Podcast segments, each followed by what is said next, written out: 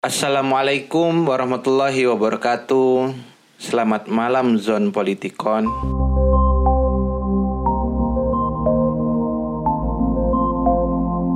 Kali ini kita ngobrol lagi ya. Ada satu perkara yang melibatkan orang lain yang bila kita lakukan, maka itu adalah merupakan sebuah kesalahan. Namun, uniknya Kesalahan ini tidak merugikan siapa pun kecuali diri kita sendiri. Tidak mengecewakan siapa pun kecuali diri kita sendiri. Tidak menyakiti siapa pun kecuali diri kita sendiri. Tidak ada kebahagiaan dan tidak ada ketenangan kecuali hanya kekecewaan yang menimpa diri kita sendiri. Kapan itu terjadi? Ialah ketika kita berharap kepada orang lain. Berharap kepada manusia kecewa, berharap pada harta hina, berharap kepada kuasa duka, maka berharaplah kepada Dia yang kedudukannya tiada pernah goyah, yang kasihnya selalu sedia, yang kekuasaannya bertahta selama-lamanya. Allah Subhanahu wa taala. Wa ila rabbika farghab dan hanya kepada Allah itulah engkau selayaknya berharap. Berapa banyak sih kita dikecewain sama manusia diputus pada saat lagi sayang-sayangnya. Cie, misal ini misal ya. Misal, gak usah baper gitu dong. Dipecat pada saat lagi butuh-butuhnya duit, dikhianati pada saat percaya-percayanya, dikeluarin dari grup pada saat nulis panjang-panjangnya. banyak, gak kehitung malah. Tapi berapa banyak sih Allah ngecewain hambanya? Dari semua makhluk yang ada di bumi, bahkan di semesta ini, yang melata maupun tidak melata, yang vertebrata maupun yang avertebrata, yang hidup maupun yang benda mati, hewan, binatang, tumbuhan, manusia tentunya. Dari makhluk yang besar saking besarnya sampai kita tidak bisa melihat dengan kasat mata, atau yang kecil saking kecilnya kita tidak bisa melihat dengan kasat mata, yang bersel satu misalkan. Semua tidak ada yang mampu memberikan bukti dan kesaksian bahwa mereka itu telah dikecewakan oleh Allah. Yang ada hanyalah bersuudon kepada Allah dan itu pasti manusia, bukan yang lain. Kita sering dikecewakan oleh manusia dan kita pun juga sering mengecewakan sesama manusia. Begitulah bila harapan saling kita sandarkan pada sesama makhluk. Tidak akan ada akhirnya kecuali hanya kekecewaan. Beda dengan Allah, Allah nggak pernah ngecewain hambanya. Allah senantiasa pingin yang terbaik buat hambanya. Sebab kasih Allah berkali-kali lipat melebihi kasih seorang ibu kepada anaknya. Berharap kepada sesama manusia itu manusiawi.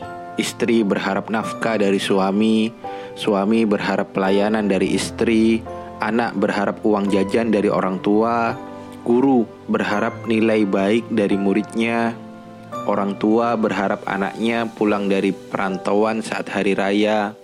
Pencari kerja berharap pada HRD agar lamarannya diterima sehingga bisa bekerja. Simpatisan berharap kepada paslonnya. Seorang pemburu cinta berharap cintanya berbalas dari orang yang dicintai. Semua itu manusiawi. Tapi tadi katanya Bang, berharap kepada manusia pasti ujungnya kecewa. Memang itu memang manusiawi. Makanya itu, ini memang manusiawi iya, makanya Islam tidak mengharamkan selama tidak berlebihan. Tetapi yang Islam ajarkan ialah gimana caranya memelihara harapan itu agar tidak menuai kekecewaan. Gimana? Ialah kembalikan semua harapan itu pada satu sandaran yang pokok. Satu sandaran yang kokoh ialah Allah Subhanahu wa taala. Itulah orang yang beriman. Ciri hati orang yang beriman kan gak pernah kecewa. Aja bali amril mukminin. Keren banget deh pokoknya hati orang mukmin itu. Kata Nabi Shallallahu Alaihi Wasallam. Kenapa? Kalau dia ditimpa musibah, dia bersabar. Kalau diberi nikmat, dia bersyukur. Dan yang bisa begini ini cuma orang yang beriman saja. Lempeng, tenang, kokoh. Gak ada celah buat kecewa bagi mereka. Kalaupun faktanya tidak sesuai dengan idealita dan harapan mereka, bawaannya husnuzon aja sama Allah. Langsung refleks, mikir yang baik-baik buat Allah. nggak biasa kagok gitu kalau mikir yang buruk-buruk buat Allah. Kalau orang yang nggak benar-benar beriman atau imannya nggak benar itu berbeda. Jangankan dikasih musibah, dikasih nikmat pun kecewa. Ya, aku kok dibelikan nasi yang nggak pedes sih? Kok porsinya dikit sih? Kok kasih gajinya terlambat sehari sih?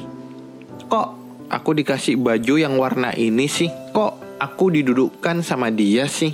Dan lain sebagainya. Kalau muslim, tenang, lempeng bawaannya. Dikit-dikit alhamdulillah. Dapat musibah, innalillah. Prinsipnya bukan kalau tidak ada bahu buat bersandar masih ada lantai untuk bersujud, tetapi prinsip seorang muslim, muslim sejati ini ceritanya, ialah selalu ada lantai untuk bersujud terlebih dahulu sebelum berikhtiar pada manusia curhat kepada Allah dulu sebelum curhat kepada manusia. Ia mampu tegar di hadapan manusia sebab ia ringkih di hadapan Allah. Dia mampu kuat di hadapan manusia sebab ia cengeng di hadapan Allah. Sekecewa-kecewanya kita ditolak sama akhwat masih lebih kecewa ditolak sama calon mertua. Sudah susah payah ta'aruf akhwatnya mau nemuin bapaknya eh bapaknya gak mau. Sekecewa-kecewanya ditolak sama calon mertua masih lebih kecewa pembatalan pernikahan secara sepihak. Undangan sudah disebar, catering udah dibayar, gedung udah lunas meski utang. Tapi sekecewa-kecewanya itu yang lebih mengecewakan ialah berharap kepada manusia. Sebab inilah sumber kekecewaan yang akan melahirkan kekecewaan-kekecewaan lainnya. Aku sudah merasakan semua kepahitan dalam hidup, kata Imam Ali karmallahu wajah. Sepahit-pahitnya itu yang paling pahit ialah berharap kepada manusia. Demikian pungkas beliau. Kecewa itu adalah perkara hati. Yang sakitnya tuh, sakitnya tuh di sini. Ya, di sini. Nyeri gitu. Meski tak berblot. Maka kalau kita punya masalah hati, cinta misalkan. Maka kembalikan kepada Allah, sang pemilik hati, sang penyebar cinta, sang pemelihara cinta, sang pembolak-balik hati, sang pencabut cinta. Ada ikhwan atau akhwat misalkan nih, ikhwan atau akhwat yang kita sukai, kita anggap ini soleh, layaklah jadi pasangan sehidup semati. Ini gue banget deh. Maka minta hatinya bukan pada yang bersangkutan, melainkan pinjam namanya, kau bawa di sepertiga malam, kau sujud dan menengadahkan kedua tanganmu itu. Ya Allah, yang ini loh ya Allah. Sebab yang punya hati itu Allah. Mintanya itu pada yang punya hati. Tundukkan wajahmu dan pasang wajah yang berkaca-kaca. Insya Allah Allah bakal kabulkan. Kalau nggak dikabulkan juga, Innallaha ya'lamuna wa antum la ta'lamun. Allah itu mengerti segala sesuatu. Sedangkan kita, kita gak ngerti apa-apa kecuali sampai kecuali apa-apa yang dikasih tahu oleh Allah kecuali sampai Allah ngasih tahu kepada kita. Dan itu ilmu yang sedikit. Artinya, kalau nggak dikabulkan juga, berarti Allah punya calon, punya momentum, punya waktu, punya kesempatan, punya rencana yang jauh lebih baik dari yang kita ingini ini. Cuman, cuman ya, mungkin saja hari ini kita belum paham. Saking tingginya ilmu Allah, kita belum ngerti sampai hari ini. Bisa jadi suatu hari nanti Allah akan pahamkan kita. Sehingga kita ngerti maksud Allah hari ini itu apa. Bisa jadi Allah memang sengaja menyembunyikan maksud itu. Menyembunyikan dari kita. Selama-lamanya. Seikhlas-ikhlasnya pamrih, setulus-tulusnya pemberian, ialah yang memberi tanpa pernah berkata-kata, tanpa pernah ingin diketahui itu lebih bagus. Biasakan, biasakan ya, ikhtiar pertama kita itu hanya kepada Allah. Bukan kepada makhluk, bukan kepada manusia. Meski hanya lewat bersitan pengharapan kepada Allah saja. ya Allah. Udah, gak sampai satu detik itu. Udah, Allah itu ngerti yang kita maksud. Sebab innahu huwas sami'ul alim. Dia mendengar lahi maha mengetahui. Mendengar apa saja mendengar suara hati kita yang kita sendiri gak dengar. Allah itu dengar. Allah tahu maksudnya. Maksud ya Allah itu apa? Allah tahu. Mau yang dimaksud ya Allah. Ya Allah, tolong ya Allah. Mau atau maksudnya ya Allah itu ya Allah suamiku nyebelin ya Allah. Mau ya Allah, ojo ya Allah. Apa pun kek Allah ngerti meskipun kita belum berikhtiar lewat laku perbuatan belum berikhtiar lewat lisan, belum berikhtiar lewat doa, cukup dengan zikrullah, mengingat Allah meski cuman batin, cuman sebersit itu saja cukup kok. Cukup untuk menjadi doa anestesi kita agar kita tidak kecewa dan putus asa.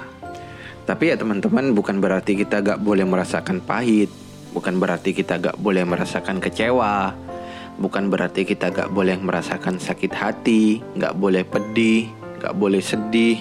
Bukan berarti oh kalau sakit hati, kalau kecewa, kalau pahit berarti kita gak beriman dong bang. Soalnya orang yang beriman itu kan selalu berharap pada Allah dan Allah gak mungkin ngecewain dia. Kalau dia pun kecewa berarti kita gak berharap sama Allah dong. Imam Syafi'i pernah berujar dengan ujaran yang begitu luar biasa.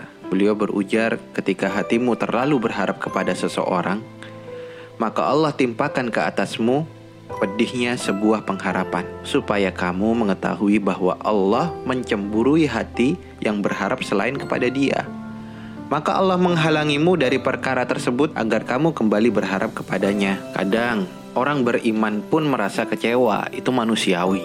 Tapi kecewanya orang beriman Selain menjadi sumber ladang pahala yang tanpa susah payah dia upayakan untuk mendapatkannya dengan hanya cukup karena dia sanggup bersabar atas kekecewaan itu, dengan kekecewaan itu ia semakin berharap, berharap, berharap, berharap dan berharap lagi hanya kepada Allah semata dan inilah sebuah kenikmatan yang lebih baik yang sesungguhnya Allah ingin berikan kepadanya namun jalurnya lewat perasaan kecewa ini. Masya Allah. Dan sungguh ketika dia berharap kepada Allah itulah kenikmatan yang lebih nikmat melebihi kenikmatan yang bisa didapatkan ketika Allah tidak menunda keinginannya yang kemudian membuatnya kecewa itu. Wa khairun thawaba wa khairun uqba. Dialah Allah maksudnya. Sebaik-baiknya pemberi pahala, sebaik-baiknya pemberi balasan. Karena ketika kita berhasil hanya berharap kepada Allah, maka berarti pada saat itu juga kita berhasil berkhalwat dengan Allah setiap waktu. Kita berhasil lebih akrab, lebih dekat dengan Allah, sehingga besar kemungkinan PDKT ini berbuah jatuh cintanya Allah kepada kita. Kalau sudah namanya cinta, apa sih yang gak dikasih seorang pecinta demi orang yang tercinta? Padahal Allah ini beda. Allah ini satu-satunya pemilik segala sesuatu di semesta ini. Kalau Allah sudah cinta, jangankan minta, baru cuman gak sengaja terbesit gitu. Set, eh, gitu aja. Allah sudah langsung hadirkan di depan kita. Allah sudah langsung kabulkan apa yang kita ingin.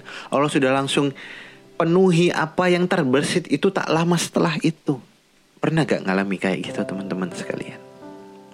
Aku yakin pasti banyak yang pernah ngalamin kayak gitu. Bahkan sering. Berarti Allah sedang cinta sama Anda.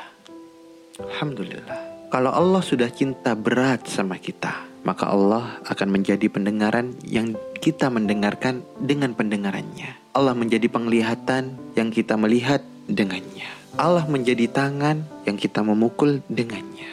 Allah menjadi kaki yang kita berjalan dengannya. Allah menjadi telinga, mata, tangan, kaki, berikut semua indera anggota badan kita, semua itu berada di bawah bimbingan Allah Subhanahu wa taala. Dan jika kita memohon kepadaku, kata Allah, niscaya aku berikan dan jika dia minta ampunan kepadaku, niscaya aku ampuni dan jika dia meminta perlindungan kepadaku, niscaya aku akan lindungi. Ya, Masya Allah.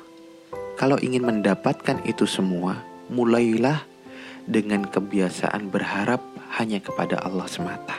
Biasakan sampai dia menjadi refleks bagi kita. Ada masalah langsung terbersih dalam hati ya Allah, bantu ya Allah. Langsung larinya ke Allah. Langsung merengeknya kepada Allah.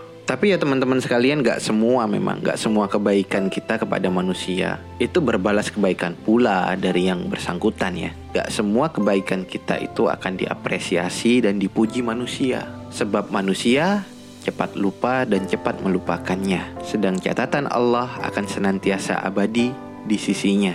Jangan kecewa, jangan bersedih, dan jangan putus asa. Sabar, fasbir kata Allah.